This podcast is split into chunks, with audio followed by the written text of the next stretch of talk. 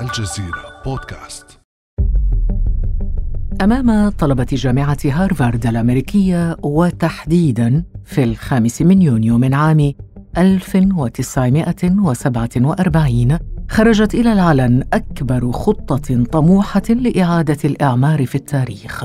وفق كبار المحللين وخبراء الاقتصاد خطة باتت تعرف بمارشال بلان نسبة لوزير الخارجية الأمريكي السابق جورج مارشال الذي دعا في كلمته آنذاك بلاده إلى مساعدة الدول الأوروبية المدمرة عقب الحرب العالمية الثانية.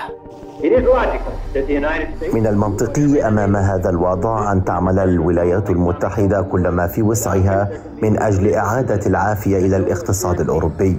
لأن الاستقرار السياسي والسلام مرهونان بذلك.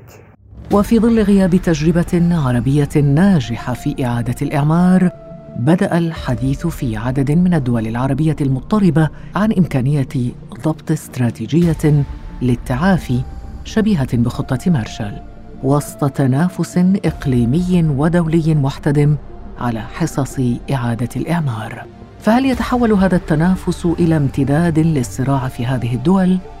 ومن هم اللاعبون الأساسيون في مسار إعادة الإعمار؟ وما هي التحديات التي تواجههم؟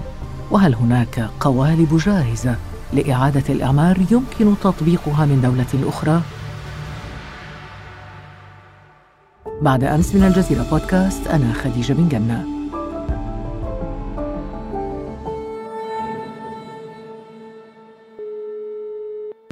ويسعدني جدا أن أرحب اليوم بصديق البرنامج الدكتور سلطان بركات مدير مركز دراسات النزاع والعمل الإنساني. صباح الخير دكتور. صباح الخير. دكتور بركات لنوضح بداية للمستمع ما المقصود بإعادة الإعمار. هو الفكرة الرائجة لكلمة أو مصطلح إعادة الإعمار هو إعادة الإعمار الفيزيائي أو البنيوي ومنه بناء البنية التحتية. لكن في الحقيقة إعادة الإعمار فيها مفهوم أوسع بكثير ونحن نستخدم مفهوم بمنطلق إحياء المناطق بشكل عام. إحنا باللغة الإنجليزية نقول post war recovery إعادة الإحياء إعادة تأهيل المناطق بناء الدولة بناء السلام كل هذه المفاهيم تدخل تحت إطار إعادة إعمار المناطق المتضررة من الحروب. وهنا نتحدث عن المنشآت وعن الإنسان أيضا؟ طبعا عن المنشآت عن الإنسان عن الاقتصاد عن العلاقات الدولية لهذه المناطق عن التنمية المستقبلية لها. كل هذه مفروض أن تكون جزء لا يتجزأ من مفهوم إعادة الإعمار. نعم دكتور هنا يبدأ مسار إعادة الإعمار أو كما أسميته قبل قليل إعادة الإحياء. يبدأ بعد الحرب؟ أم خلال الحرب؟ أو النزاعات طبعا لا نتحدث فقط عن الحروب عن النزاعات المسلحة وغير المسلحة. ربما هذه المناطق كلها معنية بإعادة الإعمار. نعم. تقليديا كانت كان إعادة الإعمار تبدأ بعد انتهاء الحروب. وكما ذكرت أول مرحلة تاريخية عرف فيها المصطلح هذا أتت بعد الحرب العالمية الثانية. حتى كان في ممكن مرحلة أيضا شبيهة بعد الحرب الأهلية في الولايات المتحدة. محاولة لإعادة إعمار الولايات المتحدة ما بين الشمال والجنوب. كانت هذه يعني محاولة مقتصرة على الولايات المتحدة نفسها. لكن بمستوى عالمي أول محاولة لإعادة الإعمار جاءت بعد الحرب العالمية الثانية وبرنامج مارشال كان هو البرنامج الرئيسي في أوروبا لإعادة إحياء الاقتصاد والإنسان الأوروبي بعد الحرب. طيب ما الذي شجع الولايات المتحدة الأمريكية في ذلك الوقت لخوض عملية إعادة الإعمار في أوروبا؟ هي بالحقيقة في البداية من عام 1945 إلى عام 1947 لم يكن هناك هدف إعادة إعمار أوروبا عند الولايات المتحدة بل بالعكس كان الهدف الأساسي وبالأخص نحو ألمانيا هو تجزيء ألمانيا والعمل على تحديد قدرتها الاقتصادية وبالأخص القدرة العسكرية والعلمية في البلد. ومن ذلك جاء التقسيم الأساسي لألمانيا ما بين الولايات المتحدة وفرنسا وبريطانيا والاتحاد السوفيتي. وكان هناك خطة جاهزة ومفعلة لإرجاع الاقتصاد الألماني إلى اقتصاد زراعي. لكن اللي حصل بال 47 هو الزحف الشيوعي على أوروبا. ومارشال كان هو وزير خارجية في ذاك الوقت. وكان هناك تفكير أو, أو محاولة لرد الشيوعية من خلال بناء أوروبا كحاجز وعازل ما بين الاتحاد السوفيتي والولايات المتحدة. فالهدف الأساسي هو كان سياسي للحد من الزحف الشيوعي وكانت هذه يعني نتيجة طبيعية لما رأوه من تطورات اشتراكية في الفكر في معظم الدول الأوروبية ما بعد الحرب بما في ذلك في بريطانيا جاءت حكومة العمال أخذت السلطة في بريطانيا. في اليونان كان هناك دخلوا في حرب أهلية كانت قد تؤدي إلى نجاح الشيوعيين. كان هناك أحزاب اشتراكية وشيوعية تنجح في الانتخابات المحلية في إيطاليا. فهذا كله مجتمعا أرعب الأمريكان. ووجدوا أنه الأفضل أنه نحن نبني اقتصاد قوي يقف بوجه الشيوعية ولكن هذا الاقتصاد كان يجب أن يكون مبني على أسس رأسمالية ومن هنا جاء الشرط الأساسي لإعادة الإعمار في أوروبا أنهم يعطوهم الفلوس ولكن يعطوهم في طريقة محددة. واشترطت عليهم في ذاك الوقت الولايات المتحدة أن يكون هناك تعاون فيما بينهم حتى يحصلوا على الفلوس. ومن هنا جاء النقطة الثانية اللي هي نجحت فيها الولايات المتحدة وهي الحد من النزاعات ما بين الدول الأوروبية. الحجم هو في وقتنا الحالي لا يعتبر يعني غريب جدا لأنه هو كان بحدود 13 بليون دولار في 47 وهو ما يعادل 150 بليون دولار في عملة اليوم. وهذا هو المبلغ اللي صرفته الولايات المتحدة من يوم ما دخلت أفغانستان في 2001 إلى اليوم. وهذه معلومة لافتة دكتور. نعم. ما صرفته الولايات المتحدة الأمريكية على أفغانستان خلال الحرب 150 مليار دولار أي ما يساوي خطة مارشال لإعادة إعمار أوروبا؟ نعم قيمة حقيقية للفلوس. نحن نوصل لهذا الرقم عن طريق أنه نرى المبلغ اللي صرف في 47 كان تقريبا 2% من الدخل القومي الأمريكي. والفرق الأساسي أنه ليش نجح في أوروبا ولم ينجح في أفغانستان؟ هي. هي التوجه وال- والأسس التي عمل على أساسها هذا البرنامج. في أوروبا كانت الفلوس تعطى للأوروبيين مع أنها كانت مشروطة إلا أنه كان عندهم مجال للقيادة وللتفكير في مشاريع مشتركة. تعود بالفائدة على كل الدول الأوروبية. ومعظم الفلوس دخلت في في آه، مشاريع بيئة مبنية من سكك الحديد الموانئ المصانع الكبرى شبكات ال- الكهرباء إلى آخره. فكان في هناك آه، نوع من التركيز على البعد التنموي. في أفغانستان صرفت الفلوس بشكل آه، متسرع وبدون ما يكون هناك في تركيز على البعد التنموي. إنه محاولة التأمين المناطق عمل مساعدات آنية محاولة شراء الشعب بأسرع وقت ممكن آه، الولاء الناس لهم. آه، وللأسف دخل كمان موضوع الفساد. يعني ربما الهدف قبل غزو أفغانستان أيام نظام نجيب الله الهدف كان نفسه بالنسبة لأوروبا وأفغانستان وهو مواجهة المد الشيوعي أو السوفيتي كان هناك إعادة إعمار في لا أفغانستان؟ للأسف هم خرجوا من حربهم مع نظام نجيب الله وبعدين دخلوا في حرب أهلية فيما بينهم المجاهدين وانسحبت الولايات المتحدة ورفعت يدها عن أفغانستان وهذا ما- من الأمور التي تؤخذ عليها أنه أنت لا كان المفروض أنهم التزموا مع الأفغان وبقيوا في البلد وساعدوا على الإعمار والتنمية منذ ذلك الوقت مهم. لكن هم حاولوا يعدلوا بعد انتصارهم على حركة طالبان في. سنة 2001 مهم. وللأسف الطريقة التي دخلوا لها هي عن طريق إحنا نسميهم الوولوردز أو أمراء الحرب. وحولوا أمراء الحرب إلى أمراء لإعادة نعم. الإعمار وتوزيع الفلوس في داخل البلد وهذا أدى إلى تعمق كبير للفساد. الآن في تقارير في الكونغرس وصلت إلى نتائج حتى أنه تقريبا 40% مما استثمر في أفغانستان ضاع نتيجة الفساد. نعم هذا يحيلنا دكتور سلطان إلى سؤال مهم وهو آليات إعادة الأعمار. أعطيك فلوس وأنت تتصرف كدولة أم أنا الدولة المانحة هي التي تتصرف أو تراقب أو تشرف على عملية إعادة الإعمار. في الحرب العالمية الثانية كانت أكثر أعطيك فلوس وأنت كدولة لك سلطتك ولك قدرة على صرف هذه الفلوس تحت يعني نظام مراقبة ومحاسبة عام. لكن بعد انتهاء الحرب الباردة صار في عنا عدم ثقة بالدولة. امتدت الحروب الأهلية في العالم وصار في هناك تحدي لمفهوم الدولة حتى. وحتى بعض التدخلات في العراق في أفغانستان إلى آخره جاءت عكس مفهوم الدولة والسوفرنتي للدولة أو سيادة الدولة. وبدأت تعطي اليد العليا للمؤسسات الغير حكومية. وبالأخص القطاع الخاص. وهذا جزء من منظوم والمفهوم الأمريكي لإعادة الإعمار هم يعتمدوا بشكل أساسي على دعم القطاع الخاص. وللأسف قطاع خاص بدون وجود دولة يؤدي إلى استباحة كاملة للمجتمع المحلي للموارد المحلية إلى آخره. فمن الصعب جدا إنك أنت توجه المصلحة العامة من خلال اعتماد كلي أو شبه كلي على القطاع الخاص. وهذه كانت أحد التحديات لإعادة الاعمار في كثير من الدول. الدول العربية أيضا؟ الدول العربية أقل الآن لأنه هاي في مرحلة أخيرة ما بعد الربيع العربي. طيب خلينا إذا نأخذ تجربة عربية ونستمع إلى وزير الخارجية العراقي السابق إبراهيم الجعفري في هذا السياق. في أول خطاب لي في نيويورك طرحت إعادة بناء آه، المدن المدمرة. وذكرتهم بمشروع مارشال أنه يجب أن نعمل سوية أنه العراق الآن يواجه آه، الإرهاب من جانب ارتفاع النفقات من جانب. من جانب آخر نشوف الموارد النفطية اللي تعتبر العصب الأساس بالاقتصاد العراقي انخفضت بشكل حاد. فهذا يعرض العراق إلى أزمة اقتصادية ولذلك استنهضنا دول العالم أن تقف إلى جانبنا وتمد يد المساعدة.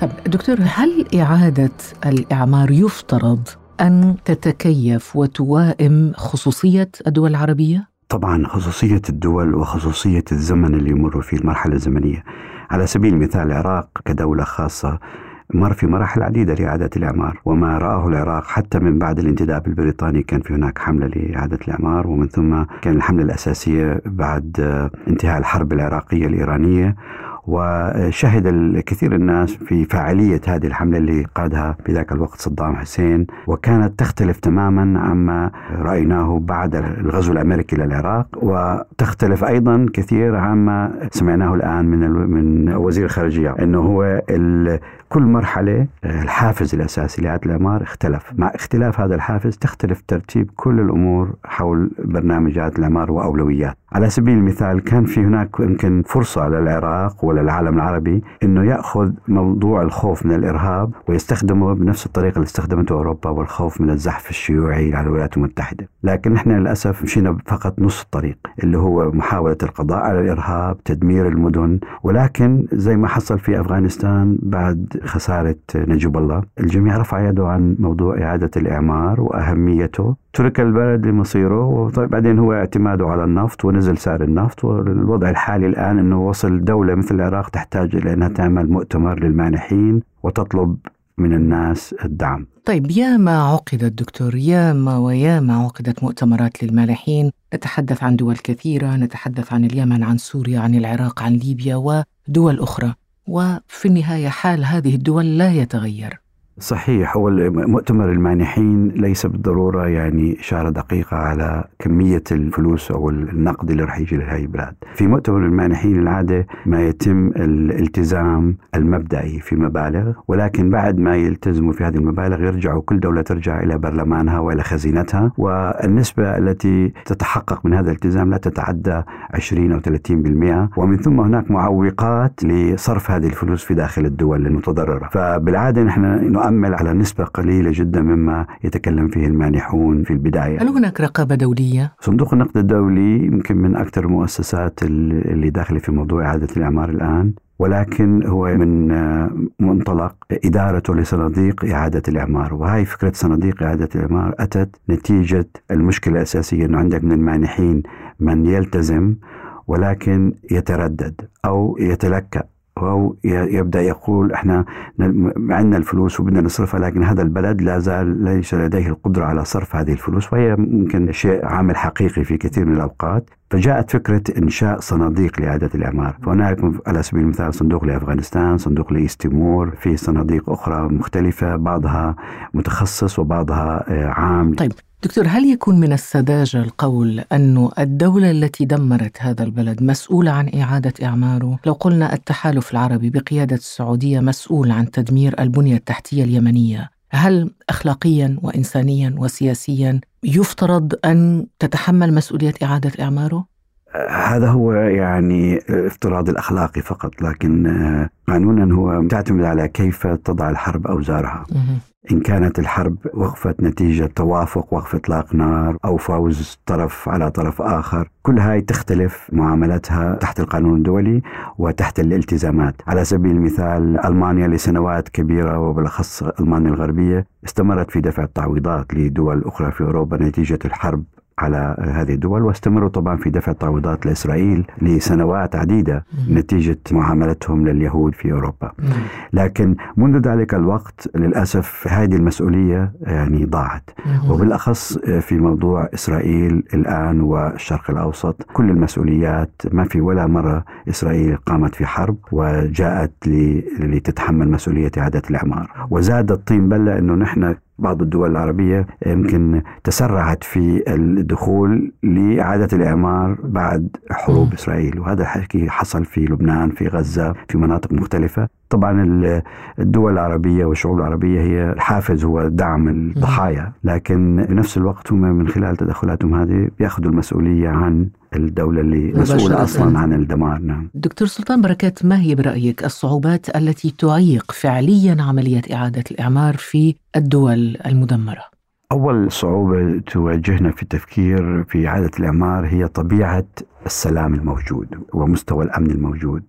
وتركيبة الحكومة تخرج نتيجة التوافق السياسي. إن كانت هذه الحكومة تؤسس لأسباب النزاع أي أنها كانت طائفية مقتسمة إلى آخره تؤثر بشكل كبير على إعادة الإعمار وعلى نسبة الفساد في إعادة الإعمار. فهذه أول معضلة أنه هي التركيبة السياسية في داخل البلد. والمعضلة الثانية؟ آه، وجود القدرات المحلية لإدارة الإعمار وقدرات المتخصصة بشكل خاص يعني يتطلب الأمر ماذا؟ يتطلب أنك أنت تستثمر في بناء القدرات حتى خلال الحرب. ومن هنا نأتي للسؤال الأول هل تقوم بعملية الأعمار خلال الحرب أو بعد الحرب؟ أنا أنصح دائما بالتوجه أن يكون هناك تركيز على بناء القدرات خلال الحرب. على سبيل المثال الآن في سوريا ملايين من الناس هجرت. يجب أن يكون هناك برنامج مدروس يخصص منح للتعليم وتدريب الناس بحيث أن يكون عندهم القدرة في حال رجوعهم لسوريا مباشرة. يدخلوا في موضوع إعادة الإعمار. عدم وجود هذه القدرة في بدايات إعادة الإعمار. يحصل عندك فلوس كثيرة موجودة في البلد وبدون وجود طاقات محلية للتعامل مع هذه الفلوس تؤدي إلى استقطاب أيدي عاملة وتقنية من خارج البلد المدمرة نفسها. ومن هنا بصير عندنا أنت عمالك تعمر لكن تبني اقتصاد دولة أخرى. على سبيل المثال هذا حصل في لبنان في بعض الوقت أنه كان معظم اللي بيشتغلوا في إعادة الإعمار من سوريا وليس من أهل لبنان نفسهم. المشكلة الأساسية أنك أنت لا توفر فرص عمل للشعوب اللي خسرت كل شيء نتيجة هذه الحروب. والمعضلة الثالثة وهي مرتبطة هذه المعضلة أنه الآن صار في عنا تفسير وهو التفسير السائد بشكل عام أنه يجب أن يكون إعادة الإعمار تعتمد على الرأسمالية وحرية السوق. وهذه للأسف لم تطبق بشكل جيد في كثير من من التجارب اللي مرينا فيها. بالنتيجة تحرير السوق يؤدي إلى انعدام الاستثمار المحلي في الإنتاج. بصير عندك سيولة مادية في بلد معين على سبيل المثال أفغانستان ولكن المزارع ليس لديه أي حافز أنه يزرع لأنه الطعام عمال يأتي من الدول المجاورة وبشكل أرخص فهذا يعقد ويبطئ من عملية التعافي الاقتصادية والاجتماعية للمجتمعات في داخل هذه البلاد. في عندنا معوق آخر وهو يمكن استمرار طريقة التفكير الإنسانية أو الطوارئ المساعدات الإنسانية. المساعدات الإنسانية مهمة في فترة معينة ولا استغناء عنها في موضوع التعامل مع اللاجئين في فترات أولى من الحرب إلى آخره. لكن هذه المساعدات إذا استمرت بشكل مطول تؤدي إلى نوع من الاتكال الاقتصادي والاجتماعي ومشاكلها كبيرة جدا من ناحية المستقبل التنموي. في معوقات أخرى لها دخل في طريقة التدخل الخارجي. يعني من أسوأ الأمور أن تأتي الدول المانحة وتحاول أن تعمر وتتنافس فيما بينها. وتتنافس فيما بينها. فهي طيب شو سر هذا التنافس بين الدول التي تحاول أن تساعدك رغما عنك؟ هم طبعا هم بيحاولوا يساعدوك لأجندات خاصة فيهم، طبعا لا شك انه هناك أجندة إنسانية بشكل أو بآخر، لكن الطابع الأساسي هو الاستراتيجي والاقتصادي يطغى على هذه الأهداف، فبعض الدول تساعدك لأنها ما بدها مهاجرين يطلعوا من بلدك لإلها، بعض يساعدوك لأنه موضوع الإرهاب موضوع زي ما حكينا الزحف الشيوعي إلى آخره. وطبعا هناك دائما تنافس على المشاريع اللي إحنا نسميها flagship projects يعني المشاريع الأساسية في أي بلد. اللي ممكن تجيب آه، سمعة جيدة. وهي تتمثل بشكل كبير جدا في مشاريع الحفاظ على التراث. ترى مثلا بلد مثل العراق والموصل تحديدا. الآن التنافس جاء على إعادة إعمار مأذنة في الموصل. هناك تنافس كبير من عدة دول مين بده يدفع على هذا الإعمار؟ نفس الشيء حصل في تدمر في سوريا. الهدف آه، ليس بالضرورة اجتماعي اقتصادي للبلد وإنما أن أنت تحط يعني تاج على مشروع مهم عالمي له سمعة عالمية. ويرتبط, ويرتبط اسمك, اسمك بإعمار هذا نعم. المشروع. طب وهناك ربما أيضا مسألة حجز موطئ قدم في بلد ما غني بالثروات يعني ليبيا مثلا. هناك تنافس أيضا على ليبيا وهي غنية بالنفط، هذا الهدف أيضا موجود. صحيح هذا الهدف موجود وهذا موجود حتى من الخمسينات والستينات مع استقلال كثير من الدول، كان في محاولة للاستيلاء على ثرواتهم من خلال إعمار في هذه الدول، لكن للأسف لا يوجد أمثلة كثيرة على محاولة إعمار على مستوى الوطن، هم يأخذوا المنطقة اللي فيها الثروة هذه ويعملوا لها حراسه خاصة. إحنا بنسميها جزر من الاستقرار، الهدف منها هو أن يوصل هذا المورد للسوق العالمي، من كونه نفط الماس ذهب مهما كان هذا طبعا أحد الآليات الإعمار اللي تؤدي فقط إلى سحب الموارد من هذه البلاد تاثيرها ضعيف جدا من ناحية الاقتصادية والاجتماعية. دكتور بركات في النهاية ما الذي تحتاجه الدول العربية لإنجاح عملية الإعمار؟ بالأصل هو محاولة منع الحروب هو الأفضل والأحسن يعني هي نوع من الوقاية خير من العلاج. ونحن للأسف في الوطن العربي لا يوجد عندنا آليات لحل النزاع بدون ما نصل إلى مرحلة الاقتتال لا في داخل الدول ولا ما بين الدول. هذا هو الأساس. لكن إن تخطينا هذه المرحلة وصار فعلا في حرب وفي هناك انتهت هذه الحرب فيجب أن يكون أنا برأيي هناك نوع من التعاون العربي العربي في موضوع إعادة الإعمار. وبداية نحن في حاجة إلى صندوق صندوق عربي لإعادة الإعمار. هناك فرص كبيرة جدا للتكامل الاقتصادي ما بين الدول العربية. على سبيل المثال بلد مثل اليمن فيها أيدي عاملة كثيرة تتكلم اللغة العربية دين إسلامي ثقافة واحدة إلى آخره. وفي نفس الوقت نحن الخليج نعتمد على الأيدي العاملة القادمة من جنوب آسيا. نفس الشيء تنظري إلى بلد مثل السودان. ممكن أنه يكون هو جنة الطعام للعالم العربي كله نعم. لكن ما في استثمارات يحقق الأمن الغذائي العربي. نعم. للأسف نحن العالم العربي ما زال يعني في أقل معدل لحرية الحركة وحرية الاستثمار ما بين الدول العربية نفسها. نعم أشكرك جزيل الشكر الدكتور سلطان بركات مدير مركز دراسات النزاع والعمل الإنساني. شكرا لك. شكرا لك يعطيك كان هذا بعد أمس.